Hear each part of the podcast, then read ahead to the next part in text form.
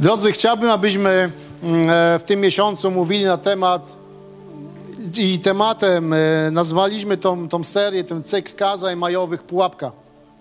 Więc będziemy mówić o różnego rodzaju pułapkach, które czekają na życie człowieka. Nie mam na myśli za bardzo tych pułapek, w jakąś możesz wejść w lesie, do jakiejś dziury, ale o tym, co zostawia diabeł szatan przeciwko ludziom, przeciwko Tobie, przeciwko mnie, przeciwko Kościołowi. I drodzy, będziemy mówić z małą przerwą na, w przyszłym tygodniu, dlatego że okazało się dzisiaj rano, że nasz gość, czyli nasz, nasz przyjaciel Wojciech Borys z misji Przyjaciół Dzieci będzie jednak mógł przyjechać do nas w przyszłym tygodniu. Tam też wiadomo, w tamtym rejonie mm, Europy jest dość skomplikowana sytuacja, co wiemy, więc jednak okazało się, że, że będzie, więc będziemy go gościć, będziemy razem się z nim cieszyć i słuchać tego, co ma do powiedzenia. Mm, ale drodzy, dzisiaj pułapka. Nie wiem, czy ktoś z Was y, jest myśliwym i zakładał pułapki na zwierzynę w lesie, albo co gorsza, kłusownikiem.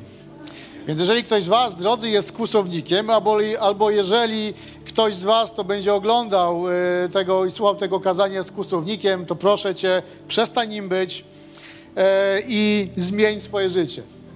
A, dro, a dobry Bóg na pewno Ci w tym pomoże.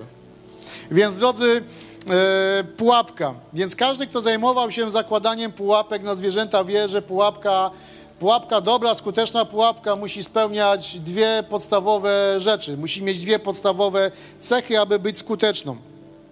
Więc oczywiście, co nie jest żadnym odkryciem, pułapka musi być ukryta, aby zwierzyna jej nie zauważyła. E, więc musi być ukryta i musi mieć założoną przynętę, która zwabi zwierzę w zasięg jej działania. Więc sama pułapka jest pułapką, ale musi mieć przynętę. Coś musi to zwierzę zaciągnąć, zainteresować tym miejscem, do którego ma przyjść, aby zostało złapane.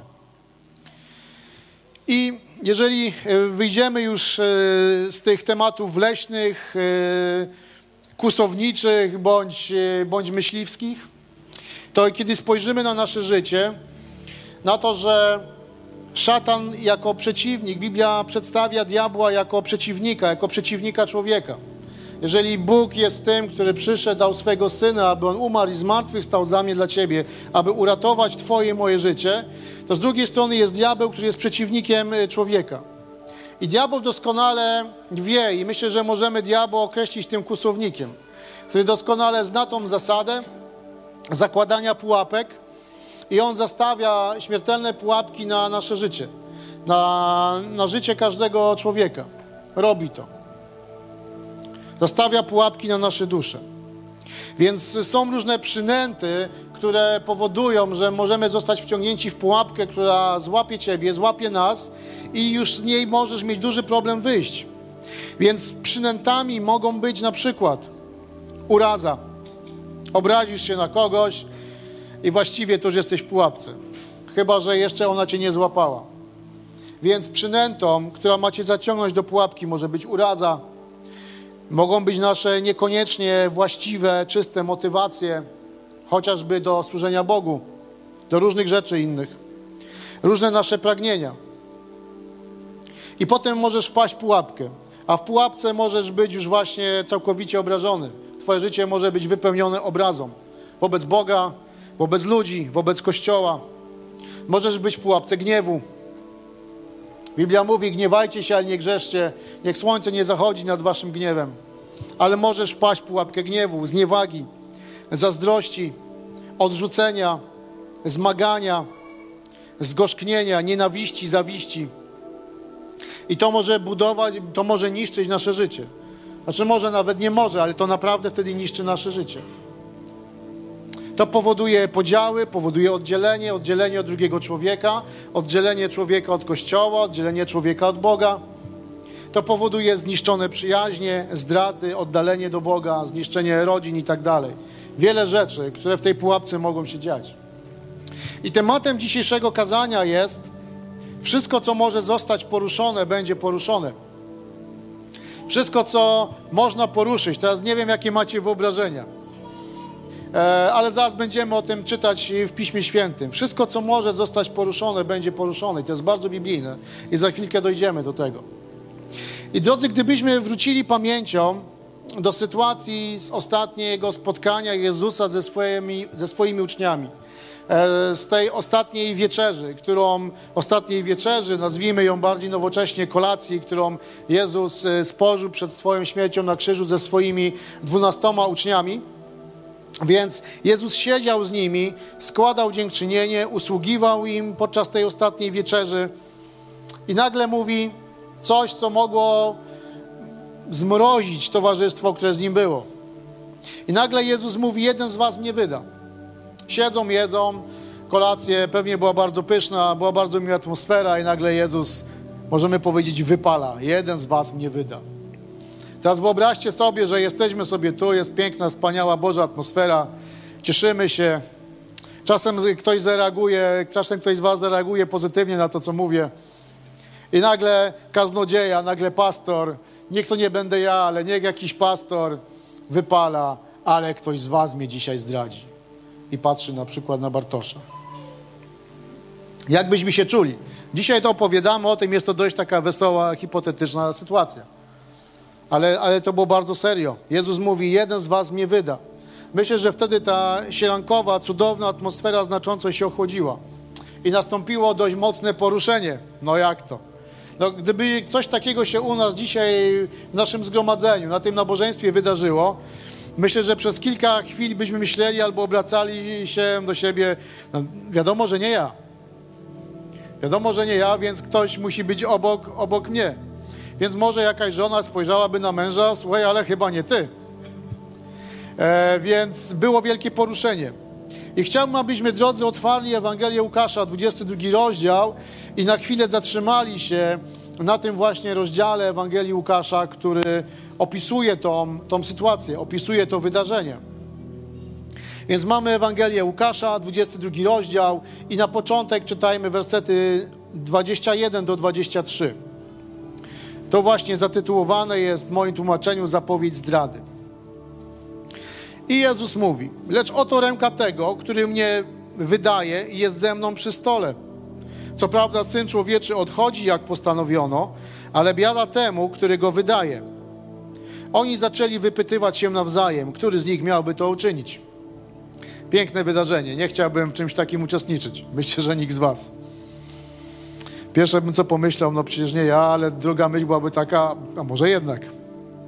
Ale Jezus mówi, i oni zaczęli, 23 werset mówi, oni zaczęli wypytywać się nawzajem, kto z nich miałby to uczynić. Może zrobili analizę trzech minionych lat, kiedy chodzili wspólnie z Jezusem i przyglądali się sobie, co kto kiedy zrobił. Może sobie poprzypominali różne wydarzenia, z których ktoś z nich nie, mógł nie być dumny i rozmawiali. Było wielkie poruszenie. Było wielkie poruszenie. E, nie wiem, jak długo to trwało. Zastanawiali się, który z nich mógłby to zrobić, do kogo by to pasowało. Ale chwilę później, to jest smutne w tej całej historii, w życiu ludzi, zaczynają się zastanawiać, kto z nich jest najważniejszy. E, kto z nich jest najważniejszy? I czytajmy dalej od 24 wersetu. Doszło też do sporu między nimi o to, którego z nich można by, uwaga, można by uznać za największego. Zapewne nie chodziło im o wzrost. Jezus zaś powiedział, Jezus zaś powiedział im, to królowie narodów panują nad ludźmi i ich władcy uchodzą za dobroczyńców. U was ma być inaczej. Większy pośród was niech postępuje jak młodszy, a przełożony jak sługa. Bo kto uchodzi za większego? Ten, który siedzi przy stole, czy ten, który służy? Z pewnością ten, który siedzi, z pewnością ten, który siedzi przy stole. Ja jednak jestem, mówi Jezus, ja jednak jestem wśród was jak ten, który służy. Chociaż był największy, do czego nie mamy wątpliwości. Więc, e, więc siedzą i rozmawiają chwilę zastanowili się nad tym, który mógłby zdradzić Jezusa i myślę, że to było dość kluczowe wydarzenie, ale bardzo szybko o tym zapomnieli, bo przeszli do tematu, który z nich, który z nich jest tym. Może, może przyjęli do wiadomości to, że Jezus rzeczywiście pójdzie na krzyż, umrze, zmartwychwstanie, odejdzie do Ojca w niebie i może zastanawiali się nad tym, który zajmie miejsce Jezusa. Nie wiadomo, co mogło w ich głowach zakiełkować. Ale rzeczywiście rozmawiałem o tym, który z nich jest największy, najważniejszy, najbardziej wartościowy. Może dyskutowali o tym, czyja służba jest ważniejsza, czyje powołanie jest większe, kogo bardziej Bóg lubi, na kogo Bóg bardziej przychylniej patrzy. Myślę, że to, co nimi powodowało, to był ich e, egoizm i byli przepełnieni dumą, bo jednak myśleli o sobie zbyt dużo, zbyt wysoko, myślę, e, ich nos był zadarty. I trwali w tym. Wyobraźmy sobie, co, co, co Jezus sobie wtedy, co Jezus mógł wtedy czuć. Siedzi z tymi, którym poświęcił trzy ostatnie lata swego życia. Mówi im trudną rzecz, że jeden z was mnie zdradzi. A oni po chwili zaczynają dyskutować na ten temat, kto z nich, kto z nich jest większy. Zaczynają mówić dobrze, Jezus fajne rzeczy mówi, ktoś go zdradzi, ale zadbajmy o siebie, zadbajmy o swój własny interes, o swoją przyszłość, e, o, o własną pozycję. Co byśmy zrobili, gdybyśmy byli na miejscu Jezusa? No tak po ludzku, kiedy siedzisz z jakimiś swoimi przyjaciółmi, może ze swoją rodziną i nagle oni mają w głębokim poszanowaniu to, co z tobą się za chwilę stanie, a bardziej liczą na jakiś zysk po tym, co będzie po tobie, co byśmy z nimi zrobili, delikatnie mówiąc, prawdopodobnie byśmy ich wyprosili z naszego obiadu, z naszej kolacji. Może powiedziałby ktoś z nas, wiecie co, już jest późno, moje dzieci idą spać, może wyjdźcie już, e, spotkajmy się kiedyś ponownie. Może wyrzucilibyśmy całe to egoistyczne, zapatrzone w siebie towarzystwo. A jednak Jezus tego nie robi. Jezus y, prowadzi tę rozmowę dalej. Myśl, może sobie pomyślał, oni znowuż swoje, oni znowuż swoją historię tworzą. Ale co Jezus robi? Jezus dalej w swojej łagodności, w swojej wielkiej miłości, w swojej cierpliwości daje im ostatnią lekcję. Ostatnią lekcję dostali. Powinni być wdzięczni. Więc Jezus im mówi, nie tak panowie. Może powiedział im nie tak chłopcy, bo byli bardzo młodzi. To niech będzie nie tak chłopcy. I mówi im, kto chce być z was największy, niech, niech służy innym. Mówi, ja przyszedłem wam, wam służyć. Myślę, że ta wypowiedź Jezusa, że ten, kto siedzi przy stole, jest, jest, jest największy, jest najważniejszy, a jednak powinien służyć. Mówi, słuchajcie, to ja jestem największy, ale ja wam służę. Ja przyszedłem, aby wam służyć. Ja przyszedłem, aby, aby służyć, aby, aby usłużyć wszystkim pokoleniom, wszystkim waszym następcom, wszystkim ludziom. Przyszedłem wam służyć. Przyszedłem oddać za was życie i zmartwychwstać trzeciego dnia, abyście mogli być zbawieni. Zrobiłem to dla was. Ale pamiętajcie, to ja jestem najważniejszy jednak. Więc Jezus mówi, ja jednak jestem wśród was jako ten, który służy. Może dodał jeszcze, bierzcie ze mnie przykład. Więc On przyszedł, aby Tobie służyć, aby pokazać właściwą postawę, aby zbawić Cię, aby Twoje życie wzrastało, abyś nie wpadał w pułapkę, abyśmy nigdy nie wpadli w żadną diabelską pułapkę. Natomiast uczniowie dwunastu wpadło w pułapkę dumy, egoizmu, jakiegoś e, samouwielbienia, koncentrowania się i polegania na własnych siłach, na własnych umiejętnościach. Wiecie, duma i egoizm to są takie rzeczy, które, do, do których ciężko czasem nam się przyznać, bardzo często też może ich nie być w naszym życiu, żadnej dumy, żadnego egoizmu, ale już koncentrowanie się i poleganie na własnych siłach to bardzo często występuje. Poleganie na własnych umiejętnościach, na własnych możliwościach, na własnym obdarowaniu, na wielkości Twojej służby, a nie na Jezusie. I to im pokazuje Jezus.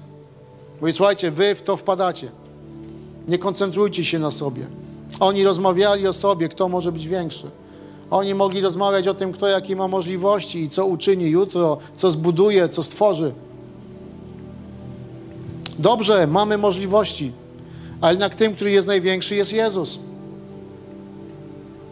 I słuchajcie, kiedy idziemy, idziemy dalej, to z tego tekstu Ewangelii Łukasza, 22 rozdziału, nie wynika do końca, czy któryś z uczniów przodował w tej rozmowie na temat tego, kto z nich jest najważniejszy, kto z nich jest najpiękniejszy i przed kim jest największa przyszłość i komu Jezus dał największe powołanie.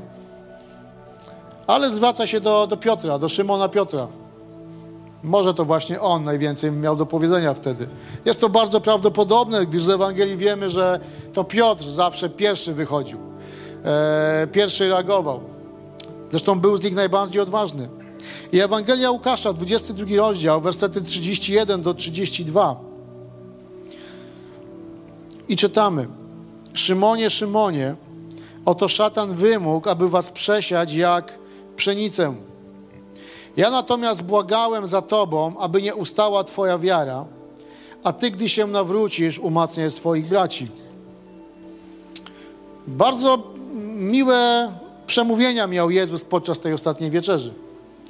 Pierw mówi, że jeden z Was mnie zdradzi, potem ich skonfrontował, że rozmawiają o tym, o czym nie powinni rozmawiać, a na końcu, żeby było milej, to zostaniecie przesiani. Zostaniecie przesiani. Kończy co prawda swoim Jezus wymowie, ale prosiłem, aby wasza wiara nie ustała. Wiecie, to jest bardzo ciekawa rzecz. Dlatego, że prawdopodobnie większość chrześcijan, większość zgromadzeń w trakcie nabożeń, spotkań modlitewnych, wierzących ludzi w Chrystusa, słysząc takie słowa, że ktoś z nas zostanie przesiany, jakiś wierzący, jakiś powiedzmy brat i siostra, choć rzadko tego terminu używamy, jakaś osoba zostanie przesiana, raczej modlilibyśmy się, aby to przesianie nie spotkało tej osoby. Nie wiem, czy się ze mną zgodzicie. Chyba nie. ale pozwólcie, że dokończę tą myśl. Jednak myślę, że prawdopodobnie to jest nasza naturalna reakcja. Jeżeli komuś ma się coś stać, to modlimy się, żeby mu się to nie stało. Więc naturalnie byśmy zareagowali, ale nie, Panie Jezu, żeby to Piotra nie spotkało, Szymona Piotra, żeby nie spotkało go to. Nie, nie, nie, nic z tych rzeczy. Panie Jezu, nie dopuść, żeby Piotr cierpiał i zakończylibyśmy szybko amen. I bylibyśmy pewni, że to się nie wydarzy. No dobrze, że bylibyśmy pewni, bo powinniśmy, powinniśmy modlić się z wiarą. Ale raczej tak byśmy za, zareagowali. Ale co mówi Jezus? I o co zabiegał Jezus? Nie o to, aby Piotra ominęło trzęsienie, aby, nie, aby ominęło go jakieś tąpnięcie, aby ominął go przesiew aż do granic jego wytrzymałości. Nie o to. Nie o to prosił, y, zabiegał Jezus. Jezus mówi: Ja natomiast błagałem za Tobą. Zwróćmy uwagę na słowa błagałem za Tobą, aby nie ustała Twoja wiara. I dla mnie bardzo, do, bardzo mocno koresponduje to z tym z zachowaniem uczniów Jezusa, którzy zastanawiali się, który z nich jest największy. A jakie ma znaczenie ich wielkość, jeżeli musieliby zostać przesiani? Jeżeli musieliby zostać dotknięci jakimś doświadczeniem? Jezus mówi: Ja zabiegam o to, aby Twoja wiara nie ustała. Jestem przekonany, Kościele, że to jest to, o co, o co powinniśmy, o co powinieneś Ty i ja, i wszyscy tu zgromadzeni zabiegać najbardziej, aby Twoja wiara nigdy nie ustała, bez względu na to, co się wydarzy. To są dość trudne słowa, bo nikt z nas nie chce doświadczać czegoś nieprzyjemnego, czegoś niemiłego, jakiegoś przesiania.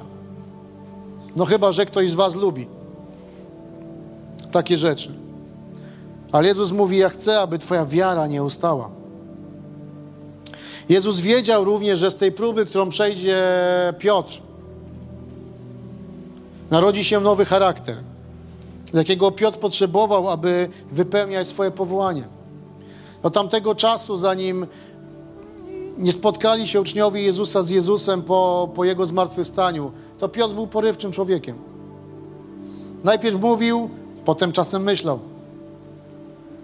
Najpierw ucinał ucho człowiekowi, który przyszedł pojmać Jezusa, a potem może się zastanawiał, co zrobił. Potrzebował charakteru. Potrzebował e, zmian w swoim życiu. Potrzebował e, tego momentu, kiedy Bóg będzie mógł kształtować jego życie, kształtować jego serce, kształtować jego charakter, aby jego powołanie mogło się wypełnić. Drodzy, wszyscy jak tu siedzimy, którzy jesteśmy chrześcijanami, nad życiem każdego z nas jest powołanie. Każdy ma jakieś powołanie, każdego Bóg do czegoś powołał. I pragnieniem Bożym jest to, aby nasza postawa, nasze motywacje były właściwe, mogły podobać się Jemu.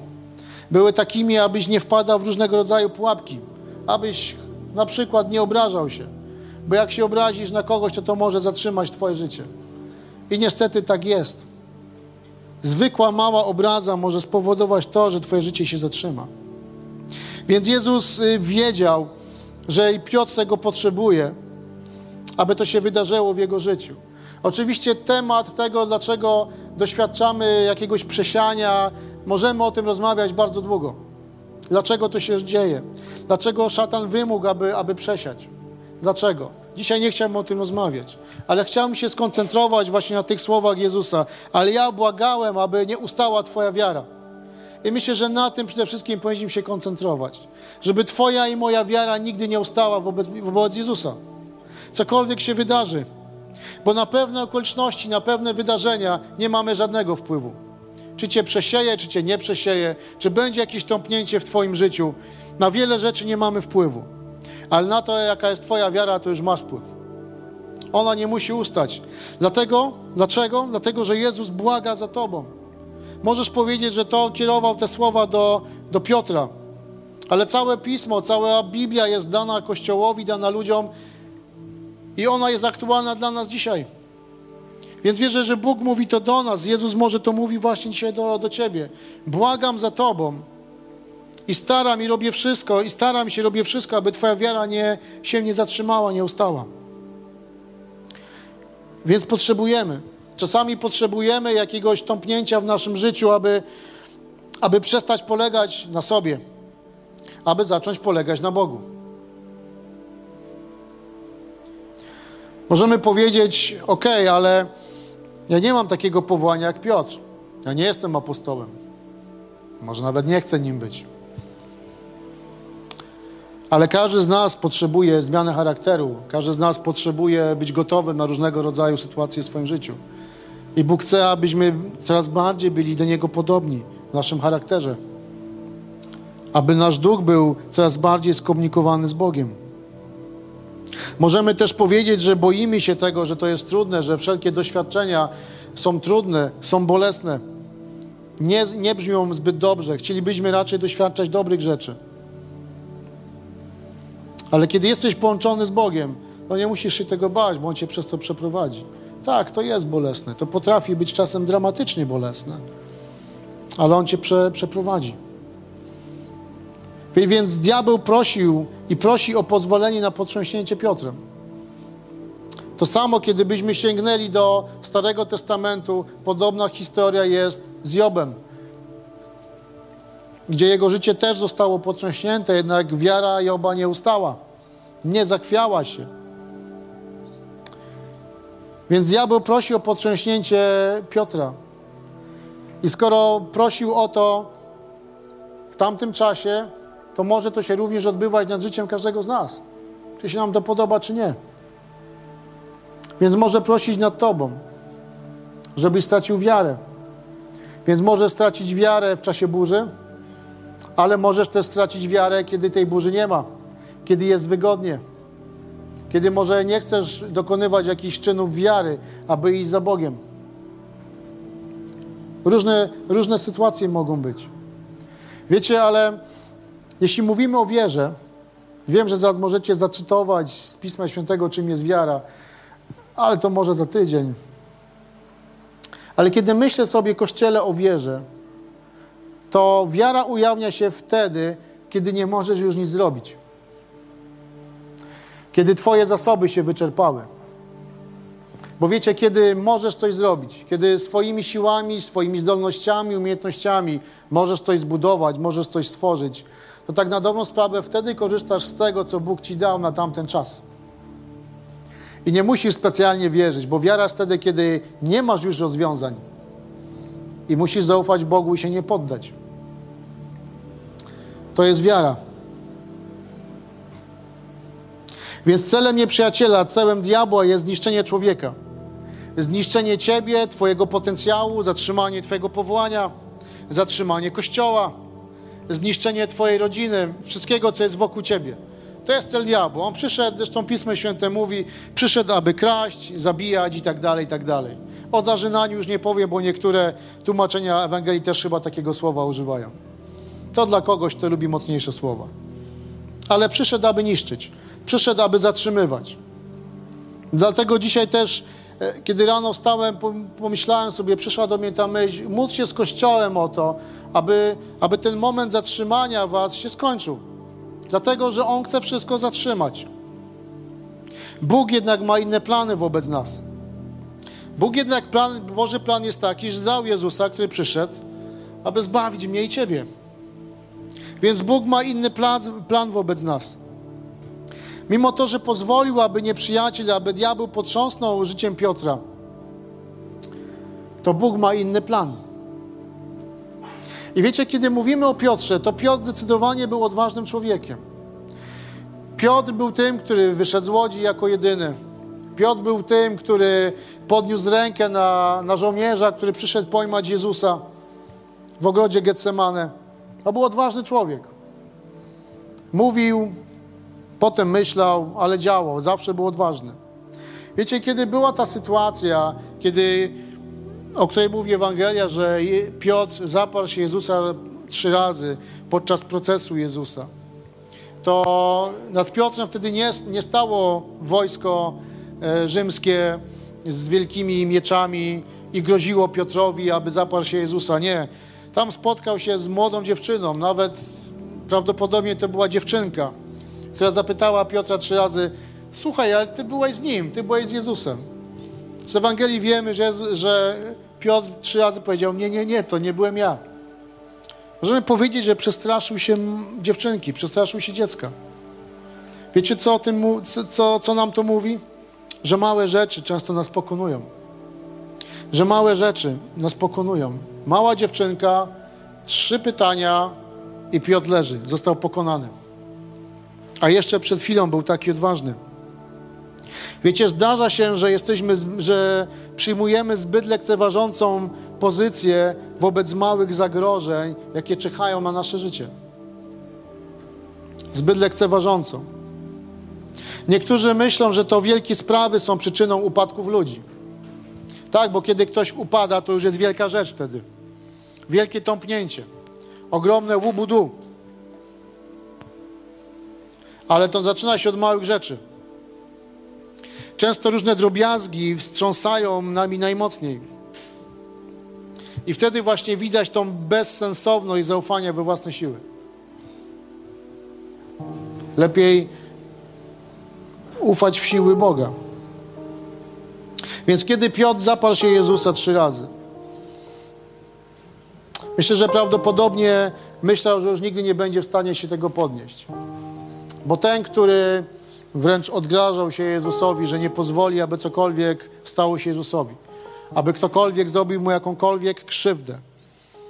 Nagle zaparł się, bo mała dziewczynka zapytała go, no ale ty byłeś z nim, więc leży.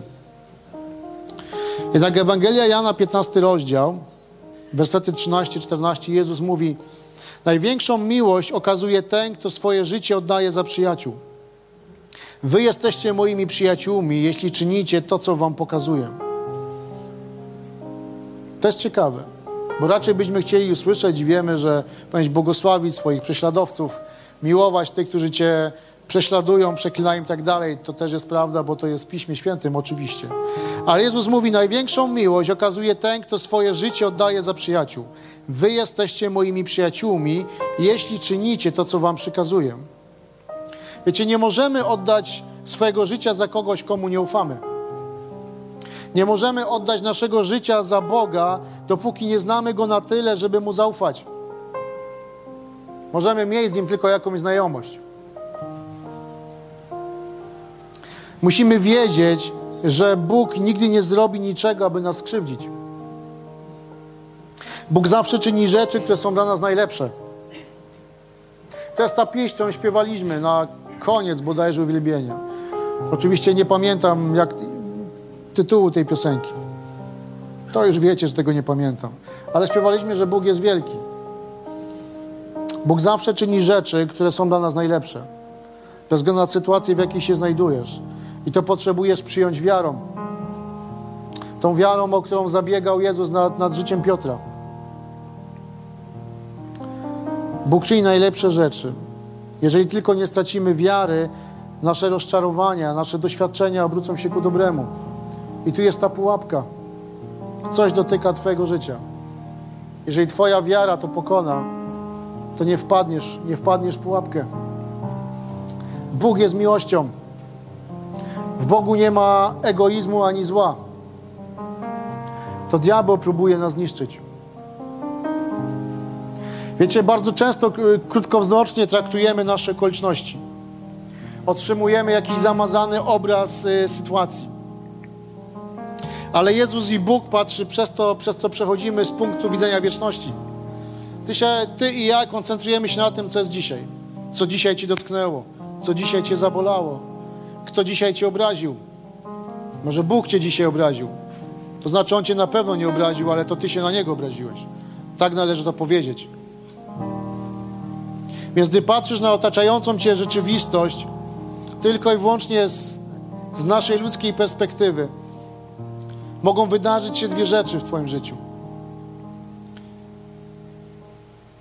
Pierwsza to jest ta, że podczas tego procesu przesiewania różnego rodzaju doświadczeń możesz właśnie wpaść w pułapkę urazy. Czy to względem Boga, ludzi, czy Kościoła. Doświadcza cię coś, obrażasz się. Druga rzecz to możesz dać zwieście diabłu. Temu, że on podsuwa jakieś rozwiązania, i to jest bardzo częste w życiu naszych ludzi, z tym się zmagamy. Że coś ci dotknęło, czekasz na jakieś rozwiązania. Jesteś już może nawet obrażony na ludzi i Boga. I przychodzą jakieś rozwiązania, które wydają się być właściwymi rozwiązaniami. Ale ostatecznie to powoduje chaos, powoduje zniszczenie w Twoim życiu. I jest rzecz, o której powinniśmy pamiętać, aby polegać na Bożym charakterze.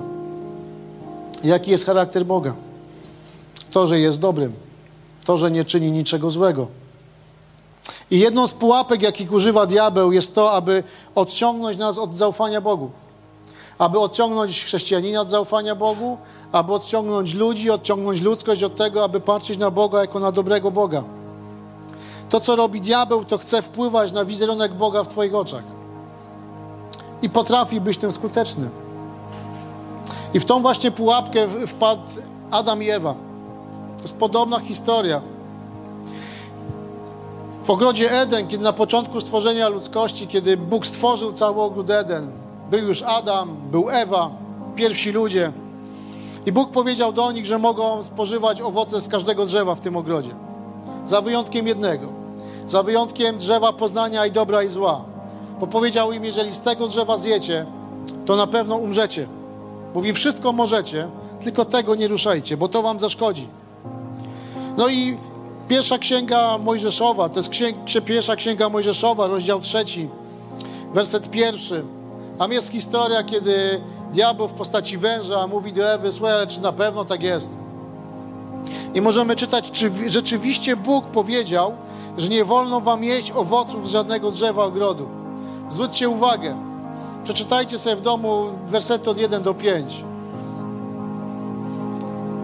Co za, jakie zadaje pytanie diabeł? Czy rzeczywiście nie wolno wam jeść żadnego drzewa ogrodu? To było, co to za pytanie?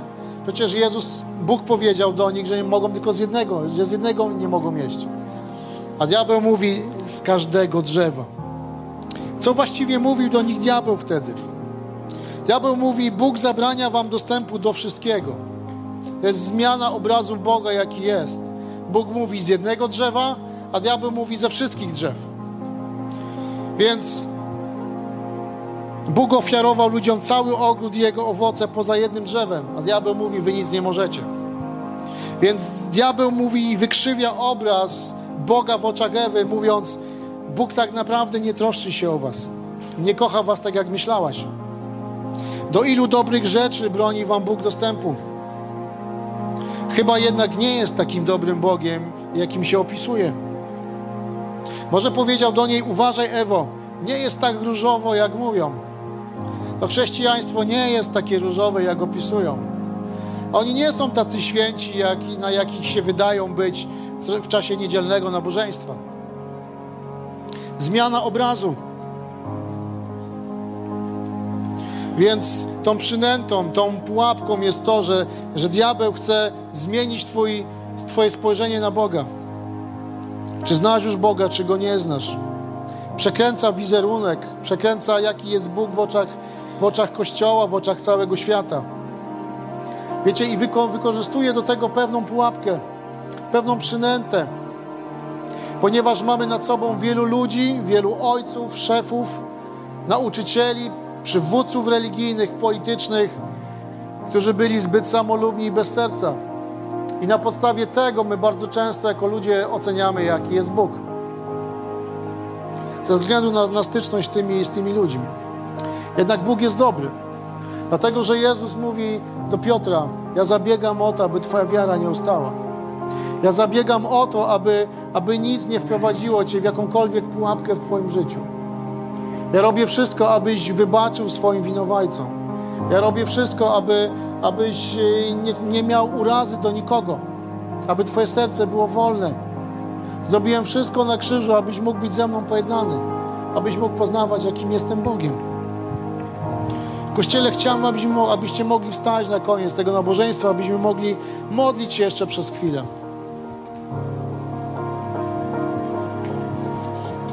Jeśli mógłbym Was prosić zespole.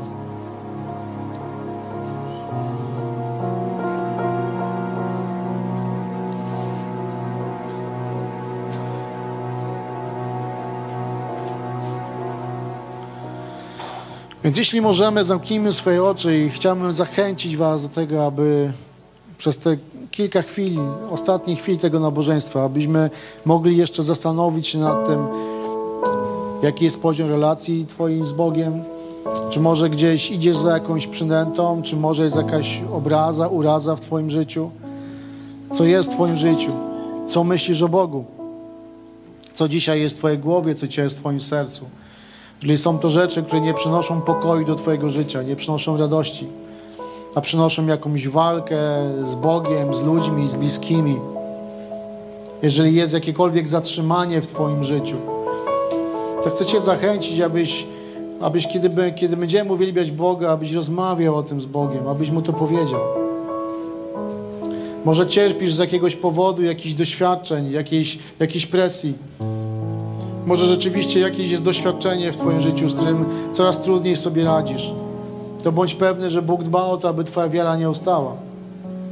Tak, drogi Jezu, dzisiaj oddajemy Tobie chwałę i cześć. Chcemy, Panie, doświadczać Twojej mocy. Dziękuję Ci, Jezu, za to, że Ty dbasz o życie każdego człowieka, że Ty jesteś dobrym Bogiem. Bez względu na to, co wydarza się w naszym życiu. Ty dbasz o to, aby nasza wiara nie ustała. I dzisiaj chcemy prosić Cię o to, dla tych osób, nad tymi osobami, które może jest im już tak ciężko, tak może walczą z Tobą, walczą z jakimś już upadkiem swojej wiary, abyś Ty dzisiaj ich podnosił. Ja proszę Cię o tych, którzy noszą już w sercu jakąś urazę, które może idą za jakąś przynętą, idą w kierunku pułapki zastawionej, abyś zatrzymał ich, abyś usunął tą przynętę, abyś usunął te pułapki aby mogli być wolni z Tobą, aby mogli doświadczać Twojej mocy, Twojej chwały. Panie, modlimy się o to. Panie Jezu, modlę się także z tymi osobami, które mają w swoim sercu pragnienie pojednania się z Tobą, jako z Panem i Zbawicielem, przyjęcia Ciebie do swojego życia. Panie, proszę Cię o to, aby szli za tym, abyś Ty zbawił ich życie.